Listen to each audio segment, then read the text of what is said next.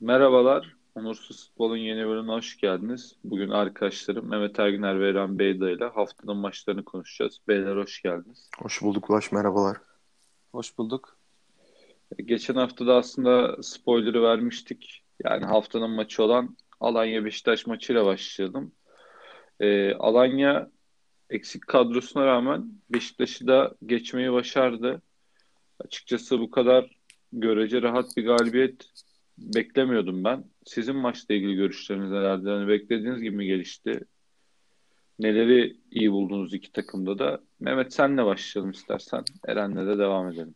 Evet, çok keyifli bir maç oldu tabii. Üst sıraları ilgilendiren e, bir maçtı. E, güzel e, başladı, çok iyi başladı Alanya. E, ölümcül pres dediğimiz şekliyle başladı. Yani Beşiktaş'a göz açtırmadı e, inanılmaz kapattı. Beşiktaş'a pas imkanı sağlamadı. E, topu geri kazanımları çok hızlıydı. E, çok iyi başladılar gerçekten. E, Beşiktaş e, 45 ile 60 arasında yanlış hatırlamıyorsam e, bir oyunu eline aldı. E, tabii 80'de Babakar'ın atılmasından sonra da e, iyice artık Oğuzhan'la güveni bence çok geç oyuna e, aldı Sergen Hoca. Ee, daha erken alsa topa daha fazla hakim olup daha fazla top çevirme imkanı olabilirdi. Ee, çünkü 45 ile 60 arasında bu baskıyı kırıp artık ufak ufak Beşiktaş akınları gelmeye başlamıştı. Ee, tabii Alanya Spor çok önemli bir galibiyet aldı. Sezon başından beri tabii hem takımı hem Çağdaş Hoca'yı e, konuşuyoruz. Tabii burada Bakasetas'a bir e, parantez açmak istiyorum. Yine muazzam oynadı gerçekten. E, iki golle de süsledi oyununu. E, yani iyi olan takımda gerçekten bütün oyuncular teker teker parlamaya devam ediyorlar. E, bu şekilde devam edecek gibi görünüyor ilk yarı. İkinci yarı göreceğiz. Eren sana şey soracağım. Hem geçen hafta e, gelen bir mağlubiyet vardı Alanya için. Hafta içi de Göztepe maçı oynadı. Aslında yorgun da bir Alanyaspor vardı. E, Efecan yoktu. Salih cezalıydı. Sol bekleri de yoktu bu maçta. Aslında görecede eksik bir takımla çıktı Çağdaş Hoca. Hani eksikleri kapatmasından ziyade sence biraz sanki Fenerbahçe maçındaki olaylardan kopya çekip doğru analizleri yapmış gibi göründü bana. Katılır mısın bana? Ee, yani evet e, ben açıkçası e, daha böyle Beşiktaş'ın da oyuna ortak olduğu bir maç bekliyordum. Ee, gerçekten 3 ihtimalli bir maçtı maçtan önce bakarsak.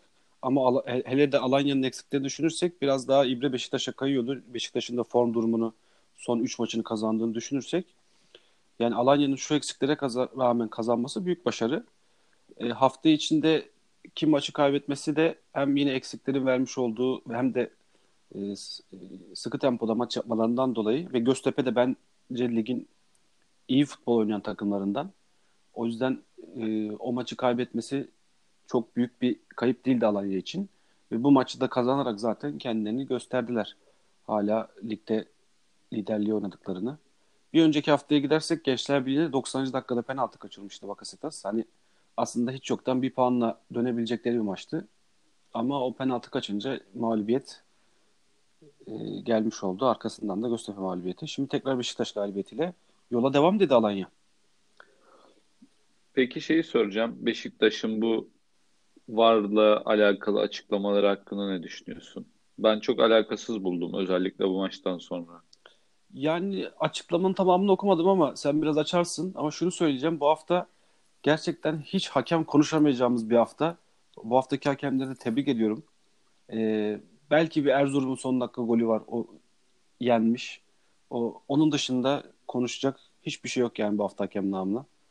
Yani Beşiktaş'ın da şu oyunla arkasından hakemle ilgili açıklama yapması dediğim gibi içeriğini bilmiyorum. Sen açarsın şimdi. Ben doğru ya, ya var neden ne zaman kime neye göre falan gibi garip bir paylaşım yapmışlar. Yani maçta hakemin tek bir hatası var. Rozier'in ilk yarı Bence oyunda de. kalabilmesi. Bence hani de.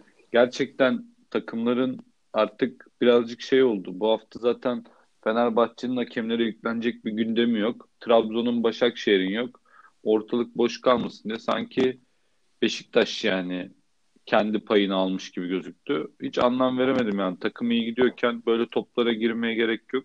Zaten puan olarak kötü bir seviyede değil yani. O Mehmet'in de bahsettiği o dört maçlık periyodu Kasımpaşa, Fener, Başakşehir, Alanya periyodunu 9 puanla kapattı. Harika. Bunu 3-4 hafta önce söylesek Sergen Hoca'ya 7 verin 2 puan da sizde kalsın falan derdi yani. Şu takımın ritmini bozmaya gerek yok. Yani Mehmet'e de son olarak şey soracağım. Maçtan sonra belki görmüşsünüz. Çağdaş Hoca basın toplantısında hiç soru sorulamadı Evet, abi. değinecektim ben ona zaten. Yani ya böyle bir rezalet olabilir mi ya? En kötü şeyleri falan soruyor yani. Eksikler vardı. İşte Beşiktaş maçına nasıl hazırlandınız gibi. Babakar'ı nasıl buldunuz? Babakar mesela maçta forvet başladı. Birazcık sağ açığa döndü. Hani oyun kurulumuna katkı yapan zamanda Galatasaray'da Drogba yapıyordu yorulunca. Yani hiç soru sormaması da hocaya karşı büyük bir ayıp. Nezaketle yine ortamı terk edebilmiş. İstersen Mehmet bu konuyla da sen bir iki yorum yap. Oradan da diğer maçlara geçelim. Yani şimdi şöyle e, Çağdaş Hoca tabii e, ligin lideri yani belki de en iyi topunu oynayan takımın hocası e, Beşiktaş gibi bir önemli rakibi yendikten sonra basın toplantısında soru alayım arkadaşlar diyor. Kimse soru sormuyor. Ya bu spor basının ne kadar kokuşmuş bir seviyeye geldiğini gösteriyor gerçekten. Yani ben bazı e, spor yorumcularını da takip ettim sosyal medyadan. Diyorlar ki Çağdaş Hoca 12 haftadır e, basına açmıyor antrenmanları. Biz de tepki gösterdik diye kendilerini savunuyorlar. Ama kardeşim basına takımı açmayan sadece Çağdaş Hoca değil ki. Galatasaray da açmıyor 12 haftadır. Basına sen Fatih Terim'e böyle bir şey yapabilir misin? Öyle bir yüreğiniz var mı oradaki basın mensupları için? Böyle bir şey olabilir mi? Yani orada sorulacak o kadar soru var ki nereye kadar bu şekilde gidebileceğinizi düşünüyorsunuz. Sol kanatta Tayfur Bingöl diye bir adam oynadı. Sol bekte. İnanılmaz iyi bir pe- performans sergiledi ve bu adam devşirildi sol tarafa. Bu adamla devam Bu etmek ister Göztepe'deki misiniz? çocuk mu? Evet. Evet evet. Evet aynen. Bu adamla devam edecek misiniz? Çok iyi performans sergiledi. Babakar yerinde oynamadı. Burada daha mı etkili olacağını düşündünüz? Neden burada oynattınız? Efecan ne zaman dönüyor? Takımın ritmini de netice itibariyle Efecan birazcık da belirliyor. Ki bu maçta aramadılar o ayrı konu. Yani sorulacak o kadar çok soru var ki. Kokuşmuşluk ya spor medyasının. Başka hiçbir şey değil yani. Sergen Hoca'ya da e, bir parantez açmak istiyorum. Yani bunlar neyin hezeyanları ben anlamıyorum. Gerek var mı? Penaltı kardeşim. Neyin varı yoku bilmem nesi bu. Penaltı pozisyon penaltı. Niye isyan ediyorsun yani? Zaten pozisyona Gezal itiraz etmiyor ki yani. Sen oyuncun itiraz etmiyor yani. Sahada Atiba'dır, kaptanın işte Gezal olsun, Abubakar olsun. Her pozisyonda o- hocaya giden oyuncuların itiraz etmiyorlar. Sen neyin derdindesin? Ya hakikaten? işte baskı altına Ya alma çabası orada- bunlar ya hakemleri. Ya Ahmet Nur Çebi ile Sergen Yalçın arasında problem olduğu çok bariz. Bence sahaya yansıyor bu sıklıkla. Evet evet o Yani noktada hatta şunu söyleyeyim araya gireyim pardon. Hani geçen hafta basın toplantısında Sergen demişti şampiyonluk konuşmak için çok erken. Aynı ertesi gün Beşiktaş Başkanı hedefimiz şampiyonluk dedi. Daha ikisi, ikisi ortak bir hedef belirleyememişler yani. Evet. Yani söylenecek çok fazla söz yok. Yani biz Beşiktaş'ın e, ileride zaten yine böyle iki ileri bir geri giderek biraz geride kalacağını düşünüyoruz. Yanılıp yanılmayacağımız zaman gösterecek ama hani camiadaki bu eksik kenetlenmeyle de zaten açıkçası çok bir şey vaat etmiyor. İlerleyen haftalarda yine Beşiktaş'ın da Alanya'nın üstüne sıklıkla konuşuruz. Zaten burada Galatasaray'ın bay geçtiği haftada hoş Mehmet Fatih Terim'in adını zikrederek yine Galatasaray'ı andı. Galatasaray konuşmayacağız bu hafta. Belki programın sonunda hafta önce maçla ilgili konuşuruz. Haftanın sürpriz sonucuna geçelim. Fenerbahçe Malatya maçı. Ee, yani beklentilerin tamamen zıttı bir maç oldu. 3-0'lık bir maç. Fenerbahçe'nin hata yok. Belki Mehmet Opta verisi falan almışsındır ama gol beklentisi yani bir bile değildir Fenerbahçe'nin muhtemelen. Hiçbir atak, reaksiyon olmadan geçen bir maç oldu Fenerbahçe adına. Ya açıkçası sizce panik olacak bir durum var mı? Onu sorayım. Ya da gerçekten sıkıntı da var mı takımda? Eren senle başlayalım. Birbirimizi birazcık zaten ufkunu açarak ilerleyeceğiz diye düşünüyorum. Yani böyle durumlarda taraftar olarak sahaya bakıyoruz ve o 90 dakika ne izledik ne gördük onu yorumluyoruz genel olarak. Öyle öyle baktığımızda gerçekten bir hüsran var. Artık yıllar işte son 2-3 yıldır gelen başarısızlıklarda da hep böyle kırılma noktaları oldu. Sanki o kırılma noktası olmuş gibi yani yine böyle olmayacakmış gibi artık bütün taraftarların hemen hemen hissi buna benzer. Öyle bir hava oldu. Ama diğer taraftan e, maçı unut, unutmaya çalışıp baktığımızda büyük büyük resim olarak alt tarafı bir maç. Giden 3 puan. Telafisi rahatça olabilir diye demek gerekiyor. Ama ya şu şunun 11. 12. haftada olması çok çok kırdı yani. Çok üzdü yani. İkinci, üçüncü hafta, beşinci haftada olsa olabilir. Alışıyor takım derdik. E, Aralık sonu geldi neredeyse. Yani diyecek çok fazla bir şey yok. E, bence cevabı önümüzdeki haftalarda takım verecek. Nasıl bir reaksiyon verecek? Hani e, sorun artık daha önceki yıllarda sorun kadrodaydı. Kadro iyi değildi, yeterli değildi, kalitesi yeterli değildi. E, şimdi o sorun halloldu. E, şimdi Erol Hoca'nın sorgulanma dönemi geldi. Hem Beşiktaş mağlubiyeti. Son 3 içerideki son 3 maçını da kaybetti. Tamam evet taraftar yok. Taraftar olsa kesinlikle böyle olmazdı. Ama yine de kabul edilebilir bir durum değil. Yani içerisi yine de içerisidir. Hani evet yani sonuçta seyahat etmiyorsun, bir şey yapmıyorsun. Evet. Oyuncuların Kadıköy'de oynamak her zaman daha prestijli bir olay. Yani içeri olayı evet kesinlikle büyük avantaj kaybı var. Özellikle Fenerbahçe gibi büyük takımların ama yani iki maçta 6 gol oldu. Konya maçıyla beraber 3 maçta 8 gol Fenerbahçe Kadıköy'de arka arkaya Şampiyonlar Ligi'nde yememiştir. Tarihinde Biraz... ilk defa zaten 3 maç içeride arka arkaya kaybediyormuş. O da enteresan bir bilgi. Evet, normal yani bir, ben kendi dönemimde hatırlamıyorum Aynen yani. Öyle. Hatta iki maç bile hatırlamıyorum. Evet sana geçerken yani takımda eksikler de var ama bu skor eksiklere sığınılacak bir skor değil yani. Eksik oyuncuları zaten oynadıklarında da formsuz kenara gelebilir diye yorumladığımız oyunculardı. Belki burada bir birazcık defanstaki eksiği e, sayabiliriz. Serdar'la Lemos yerine Sadık'ın olması aslında bir kalite eksiği ortaya koyuyor. Tabii. Ama sana göre en büyük aranan eksik ne takımda oyuncu olarak? Oyuncu olarak değil abi. Yani Türk Türkiye'de şu anda belki en kaliteli ayakları ve takımıdır Fenerbahçe. Ruh yok abi ruh ruh. Eksik bu. Ruh yok. Yani 11 tane gezinen oyuncu gördük sahada. Sen çok güzel özetledin. Yani neyi konuşalım? Hangi opta verisini konuşalım? Baktım tabii ki de. Verileri seviyorum biliyorsun aram iyidir. Baktım tabii ki de ama yani ne, bu programa neyi getireceğimi şaşırdım Ulaş. Böyle bir oyun şekli Getir, olabilir mi? İlk yarıdaki gol beklentisi 0.1 bunları söyledi. Abi, Fenerbahçe taraftarı gerçekleri duymak için bu programı abi, dinliyor. Fener, Fenerbahçe ruhsuz. Takımda gruplaşmalar olduğunu düşünüyorum. Bunların başını papazlar çekiyor. Ve bu papazlara ek olarak Ozan Tufan ve Mert Hakan Yandaş'ın girdiğini düşünüyorum. Yani bence bir gruplaşma var ve bu gruplaşma uzaklaştırıyor takım birbirinden. Ya ben böyle olduğunu düşünüyorum. Acilen tabii ki de Emre Belözoğlu'nun değil ama o Volkan Ballı'nın, Selçuk Şahin'in onların acilen Samandıra'da bu işleri çözmesi lazım.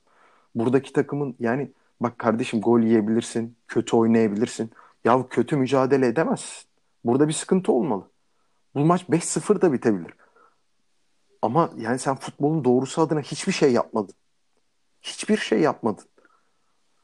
Yani abi ben anlayamıyorum. Tisserand iki gol Tisserand'a yazar ve 45. dakikada devre arasında Tisserand'ı oyunda tutuyorsun Sadık'ı alıyorsun. Niye Sadık'ı alıyorsun ya? Bir de Gustavo'yu stopere çekiyorsun. Niye? Abi biz bu biz bu filmi defalarca izledik Abi defalar ben biz bıktık artık bunlardan ya. Bıktık yani. Ha ama şuraya baktığımızda önümde açık şu anda puan tablosu. 26, 23, 23 en yakın takipçisi Beşiktaş 19. Esen gürleyen Beşiktaş 19 puanda.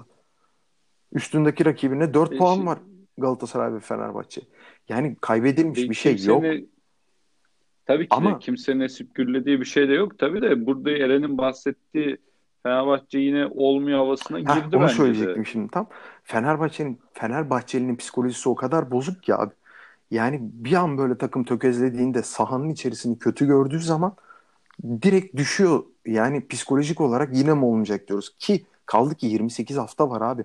Ayrıca 28 haftanın 7 haftası 14 maç oynanacak. Haftada 2 maç oynanacak. Yani zaten o haftada oynanacak 2 maç belirleyecektir şampiyonu. Kim ayakta kalırsa, kimin kadrosu genişse o orayı o değerlendirip çıkacak. Benim gözümde şampiyonluk oradan geçecek. Kaldı ki e, reaksiyon bekliyoruz dedi Eren. Kalan maçlarda ne gösterecek dedi. Yani ben şimdi fikstüre bakıyorum. Antep, Başakşehir, Kasımpaşa, Alanya. İlk yarının bitim fikstürü. Nasıl olacak bu iş? Beşiktaş için kötü çizdiğim tabloyu Fenerbahçe için çiziyorum. İnşallah Beşiktaş gibi Fenerbahçe de beni yanıltır. Ya iyi oyun bekliyoruz abi ya. Buradan e, yani bütün puanları almasın değil de bir beraberlik olur, bir galibiyet olur, Mutlaka bir öyle. olur. Ama iyi, iyi oyun gelirse en azından gelecek için umut da getirir bu.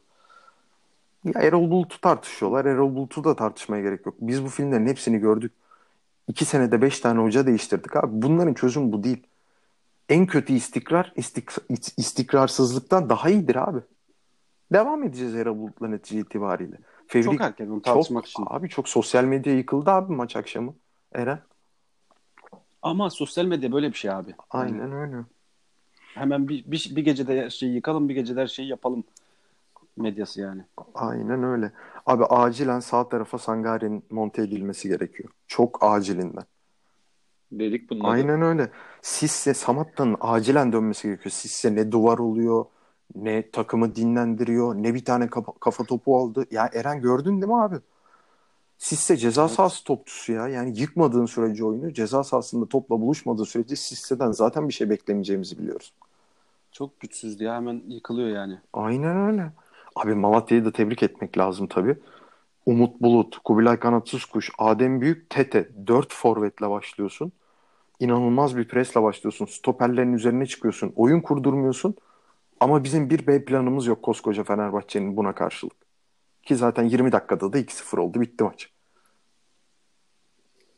Aynen öyle. Buradan eski Galatasaraylı oyuncular Semih Kaya, Umut Bulut, Adem Büyük hepsi görevlerini yerine getirdiler. İleride bir tane daha Galatasaraylı bir oyuncuya değineceğim. Onun da sırası gelecek. Ee, Hamza Hoca zaten bizim hocamızdır yani. Gittiğinde hep beraber sevindik ama en azından bir vizyon gösteriyor Malatya'da. Fenerbahçe ile ilgili de seni Mehmet kınadığım iki nokta var. Birincisi e, Eren'den özür dilemen gerekiyor. Hayda. Sanki Filip Koko gittiğinde zil takıp oynadın. Eren burada istikrar istikrar dedi. Şimdi 5 hoca diyorsun. Erol Bulut'a tanıdığın süreyi Filip Koku'ya tanımadığın zamanında seni oradan bir eleştiriyorum. İkincisi sana takımda eksik kim diyorum. Hala Samat'ta falan diyorsun. Şu Ener Valencia'nın adını adını al, ağzına almamak için çırpınıyorsun. Fenerbahçe'nin hücum presinin çökmesinin sebebi Ener Valencia'nın bu takımda olmaması. Yani şu Pelkas'ı sevdiğin onda biri kadar şu çocuğu sevmedin ya. Roman Hakem gibisin vallahi Mehmet. Yok yok. Ne yani yaptı bu? katılıyorum. Valencia yok, sana yok. ne yaptı ya? Katılıyorum, katılıyorum. Sana katılıyorum. Valencia'yı da arıyoruz ama ben Ferdici olduğum için biliyorsun Ferdi'nin sağ kanatta olması benim hoşuma gidiyor. Ee, takım iyi olduğunda Ferdi de sağ kanatta parlayacaktır. Valencia'yı aramayacaktır bu takım. Bence Valencia döner dönmez 11'i alır. Ben- şey formayı alır. Bence de öyle. Arkasına da hoca Nazım'ı koyar. Biraz galiba Göztepe deplasmanında ikisi oynamıştı diye hatırlıyorum yanlış hatırlamıyorsam. Ee, Novak zaten maç sonundaki o Zeki Yavru'yla falan fotoğraflardan sonra bir linç yedi. Caner'i kesmesi çok zor. Çok zor. Yani birazcık defansın bu dörtte olup birazcık gol yememeyi öğrenmesi lazım Fenerbahçe'nin. Çünkü hem Gökhan'ın artık yavaşlığı Beşiktaş maçında da gördük, bu maçta da gördük yani. Çok rahat çalınmıyor artık. Caner'den zaten savunmada bir şey beklemiyor Fenerbahçe. Ee, açıkçası Nazım ihtiyaç oldu.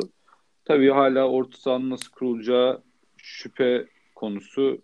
Yani Mert Hakan yandaş da olmuyor bence. Yine gördük. Sosa Gustavo Ozan da olmuyor.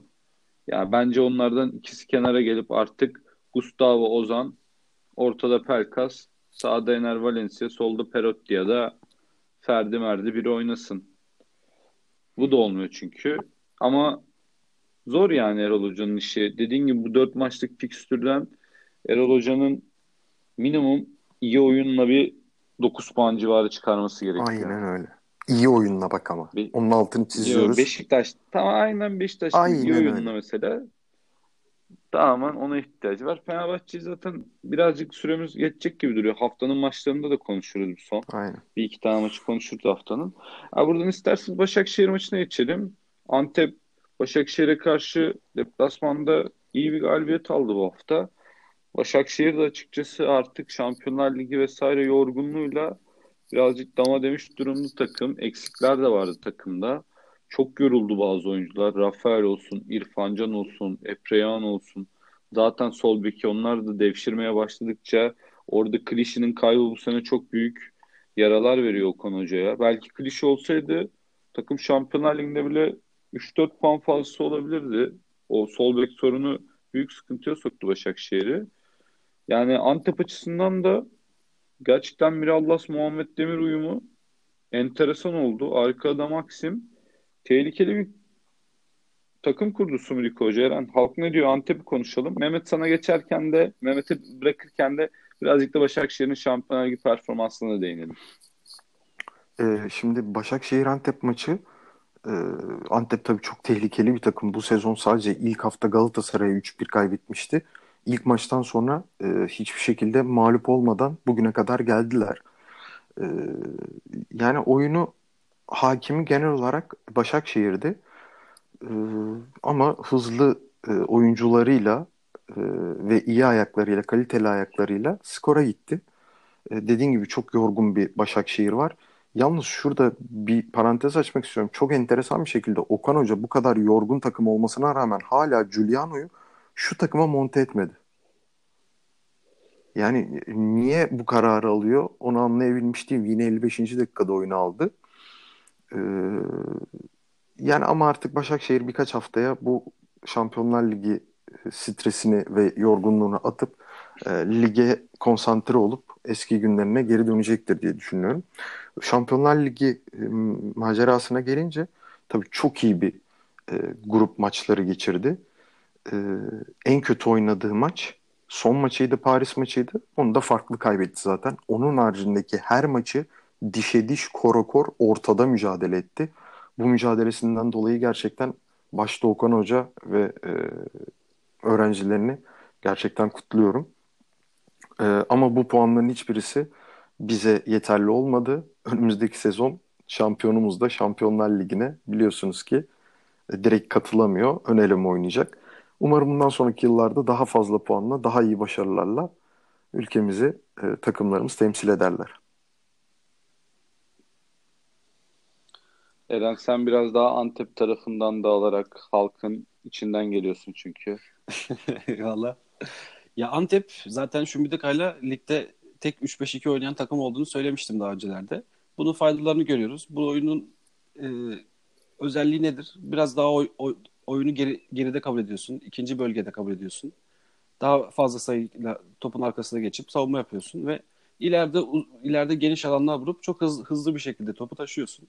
O alanlarda işte Muhammed Demir, e, Kenan, işte çok oyuncu kalitesinin de olmadığı, oyuncu kalitesi gerek olmadığı bir şekilde bu şekilde sonuca gitmeye çalışıyor.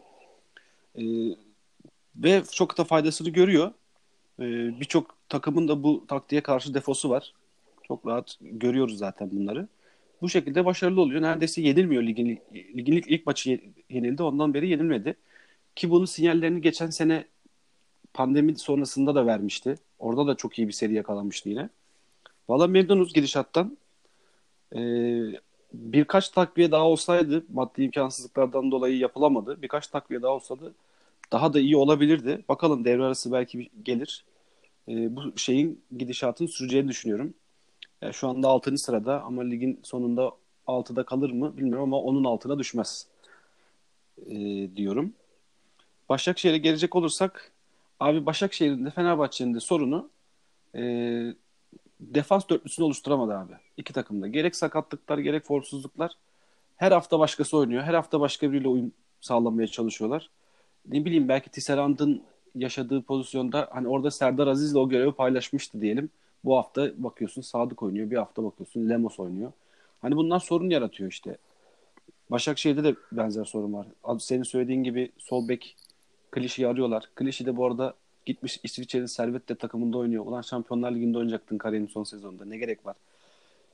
300-500 bin euro için. Sağ bekte zaten e, Kaysar'ın sakat olması. Ha, Rafael Uray'ı kapattı ama asıl problem stoperlerde Başakşehir'de. Yani bir hafta Ponk oynuyor.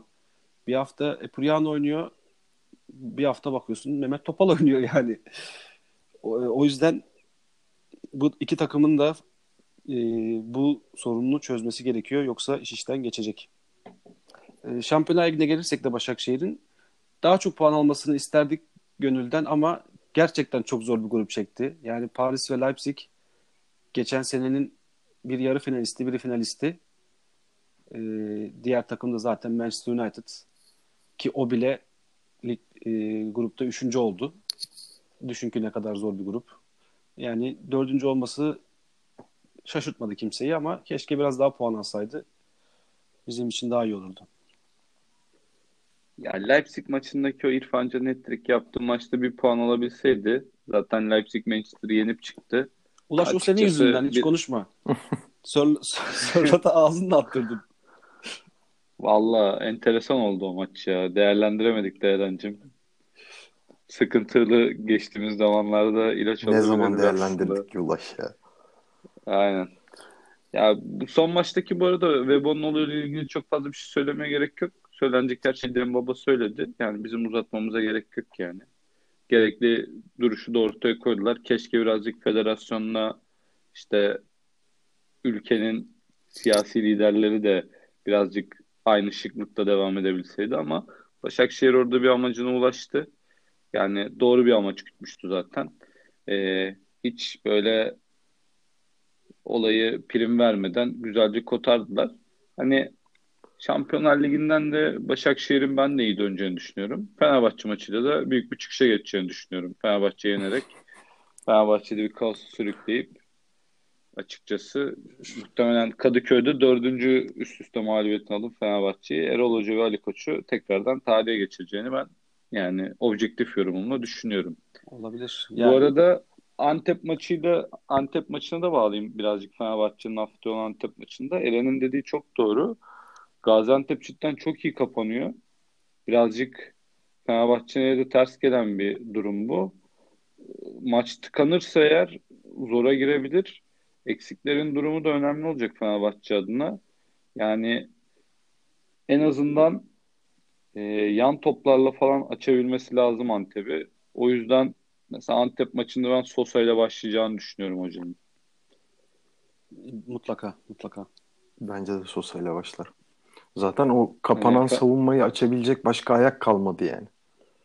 Perotti'nin çok evet. acil dönmesi lazım abi. Çok acil. Evet.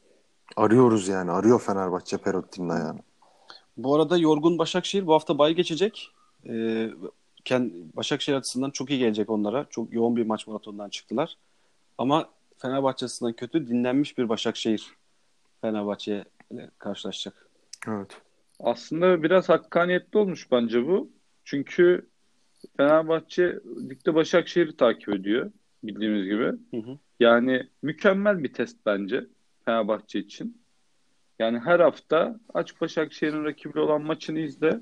Daha güzel bir yani çıkmış sorular gibi oluyor aslında. Zaten sen de Başakşehir tarzı oynamaya çalışman lazım. Şampiyon takım gibi.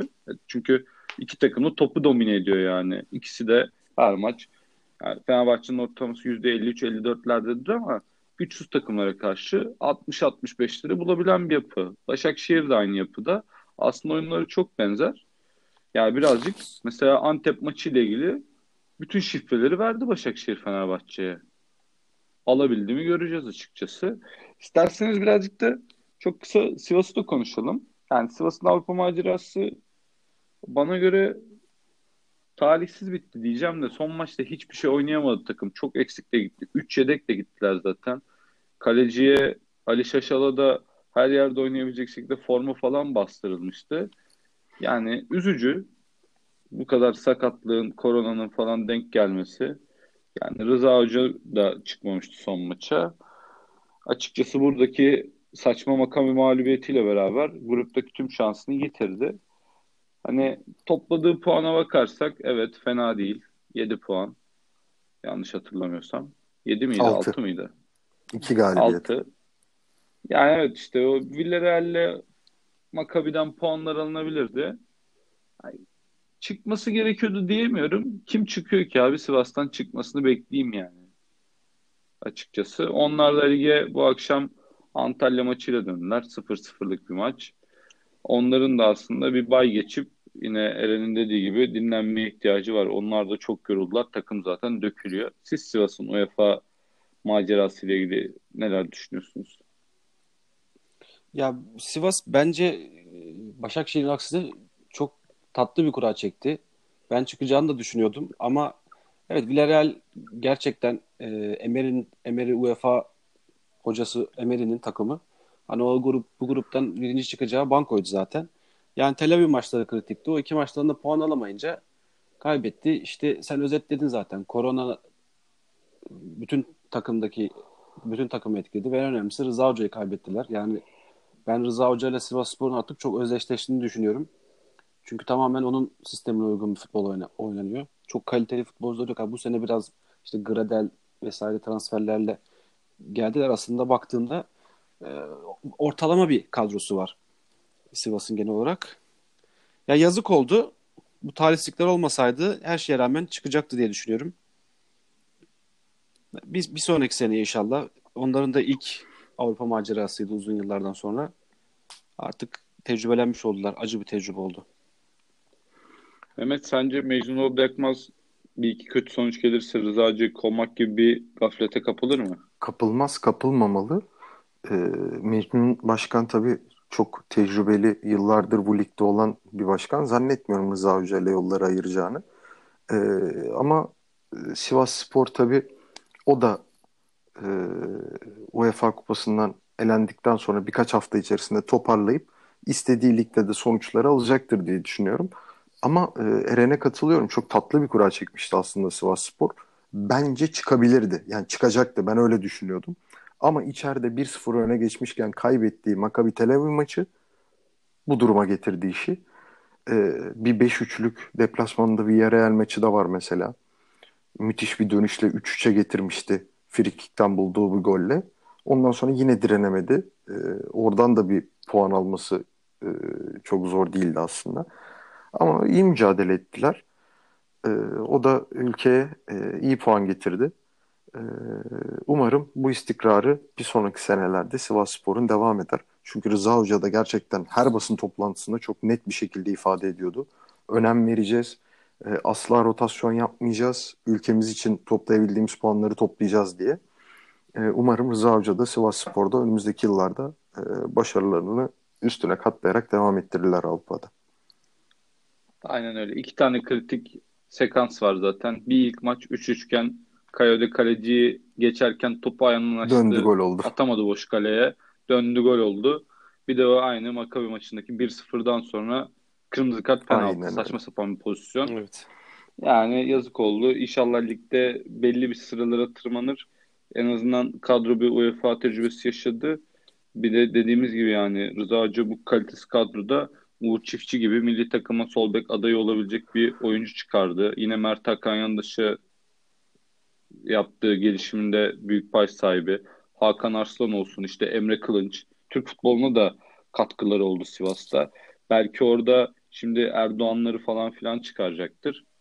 Açıkçası umarım yani renktir yani. Rıza Hoca Lig'in rengidir deyip e, kapatalım. Ya bu haftaya dair başka konuşacağımız bir konu yoksa kısaca isterseniz bir haftaya olan maçlara bakalım. Var mıdır bir bu haftayla ilgili eklemek istediğiniz bir şey? Yani bu hafta ile ilgili benim daha fazla ekleyeceğim bir şey yok. Ee, Eren senin var mı? Benim de aynı şekilde hemen hemen her şeyden bahsetmiş olduk. Önümüzdeki haftanın maçlarına baktığımızda Güzel bir Ee, açılış var tabii değil mi? Evet aslında bu haftayı güzel açılış derken Karagümrük NDI'yi NDI'yi anmamakta Heh, Güzel. olmaz. Olmaz. Dur ben ben ben ben konuşayım burada. Galatasaray hiç konuşmadık. Biraz arada girmeye çalıştım ama ya Fatih Terim hocamı gerçekten tebrik ediyorum ya. Bu giden oyuncuları artık nasıl yolluyorsa aslan gibi kaplan gibi Ndiaye kral yedek kulübesinden kırmızı kartını gördü ve Haftaya Galatasaray maçında yok. Tebrik ediyorum. Jimmy Durmaz çok geçmiş olsun sakatlanmış herhalde. O da yine oynamak için gerekeni yapmış. Onu da tebrik ediyorum. Ya yani böyle basit hareketlere gerek yok. NDI'de Süleyman Urman'ın yanında olsam direkt kadro dışı bırakırım. Direkt yani. İhtiyacı falan var takımın okey ama yani sen ne yapıyorsun ya? Bu kadar göz göze göre yapılır mı yani? Yani o Şimdi Karabük Kar ay, Karagümrük bizim maça yani çok büyük dezavantajı çıkıyor. Zaten Sabo da gördü galiba. Doğru. Kart. Evet. Orta saha tamamen dağılmış durumda. Ya zaten hani Galatasaray'ın favori çıkacağı maça değişik bir gündem oluşturdu. Ben rahat kazanacağımızı düşünüyorum Karagümrük maçını bu şartlar altında. Öyle gözüküyor. Yani 3 tane en önemli adamları eksik. Eren şimdi en önemli deme yani takımın en önemli oyuncuları Viviano, Sobey, Biglia. Burada tribünlere oynama. 3 tane önemli değil. 3 tane rol oyuncusu da. Yani 3 tane as oyuncusu diyelim yani. Aynen aynen as oyuncu diyelim. Mehmet sen ne düşünüyorsun maçla ilgili? Ee, Galatasaray tökezler mi? Bir ara verdi takım. Koronadan dönecek oyuncular vesaire derken enteresan bir aslında kadro seçim bekliyor yine Fatih Yani Hoca'yı. ben açıkçası bu hafta Karagümrük'ün yani geçen haftaki programda da ifade etmeye çalışmıştım. Ee, geçen hafta Galatasaray'ın verdiği açıkları Karagümrük'ün değerlendireceğini düşünmüştüm. Ee, bunu da dile getirmiştim ama gerçekten çok eksiği var Karagümrük'ün. 11'den 3 as oyuncusundan yoksun geliyor buraya. İşi zor tabii. Ama Galatasaray'ın da bu oyunun devam etmeyeceğini düşünüyorum. Yani bu hafta mı olur, önümüzdeki hafta mı olur ondan tam emin olamıyorum ama Galatasaray'ın bu oyunun kesinlikle devam etmeyeceğini düşünüyorum. Ya benim için haftanın maçı tabii Gaziantep-Fenerbahçe maçı. Bu Onu da bu fikstürde ne bekliyorsun maçtan? Ben en fazla beraberlik bekliyorum bu maçtan. Bu da hiç iyi bir sonuç olmayacaktır Fenerbahçe adına. Çünkü döndüğünde içeride Başakşehir'le oynayacak. Orada e, bir mağlubiyet Fenerbahçe'yi gerçekten kaosun içerisine sürükler.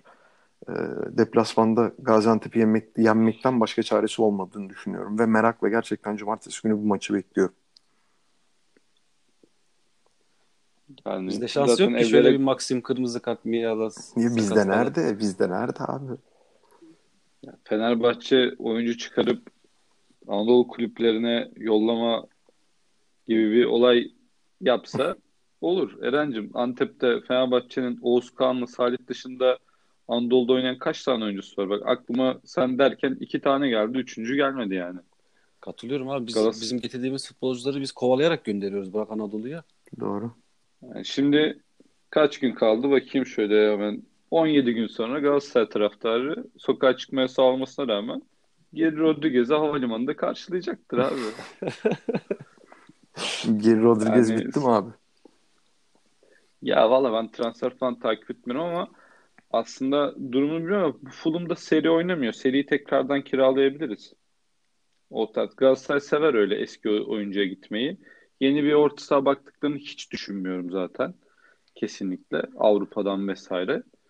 O yüzden bir transfer beklentim açıkçası çok da yok. Seriyle çok. Gerek yani seri tek gelirse yeter gibi duruyor şu anda ama o, hani... o Kanada yani pırpır oyuncuyu almadan mümkün değil Fatih Terim bırakmaz. Ya evet ama yani dedim mi ligde yani ligde 10 tane iyi takım var abi. Kalanında birazcık eksikler görüyorum hani ama gerçekten hani dört büyükler hani işte Başakşehir, Göztepe, işte Alanya, Rize, Sivas, biraz da Antalya.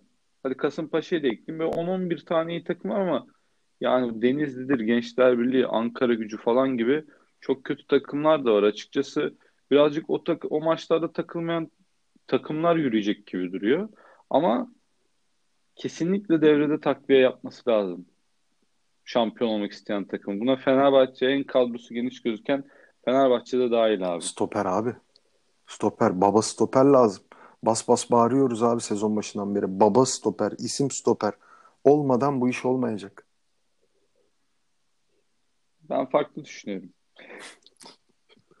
Tisserand Serdar Aziz ikilisiyle devam mı diyorsun? Ben Lemos Tisserand'la devam deyip bence 8 numara gerek abi. Yok abi ne 8 numarası. 8-10 arası. 10, 10'a kabulüm. Ya bu Yunanistan'dan olmayacak gibi Mehmet çok. Abi Bakasetas gerçekten sezon başında çok istiyordu Erol Hoca değil mi Eren? Yani haklı adam gerçekten Bakasetas başka bir oyuncu yani. Abi o direkten dönen top neydi ya? Evet.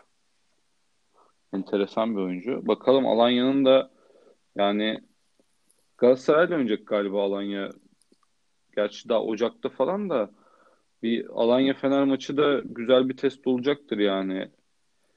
Ben özellikle Başakşehir ve Alanya maçlarında bir mağlubiyet gelirse Fenerbahçe tarafında Erol Hoca'nın çok ağır eleştirileceğini düşünüyorum artık. Yani o yüzden bu haftaki Antep maçında beraberlik bile gelmesi kurtarmaz Fenerbahçe'yi. Kesin galibiyet lazım. Yani cuma cumartesi maçları öyle bir geçerse haftaya bir bakmışsınız pazar kendimizi kayıtta bulmuşuz. Zaten yasak var. Yılbaşını kapattı Cumhurbaşkanımız dört gün. Bakalım o ara liglerde tatile girmiyor herhalde. Bol bol maç izleriz gibi. Evet. Yok tatil falan yok abi. Full devam. Full devam. İngiltere Ligi de girmiyor Christmas'ta. O ara İngiltere Türkiye Ligi 600-0 handikap 0. Türkiye Ligi'nde yeni yılın ilk kolonacısı da olur o haftalarda. Eğlencemiz yerinde olur. Beyler ekleyeceğiniz başka konu yoksa kapatalım. Normal program süremize de geldik zaten. Haftaya tekrardan konuşuruz. Ağzınıza sağlık beyler. Çok güzel programdı.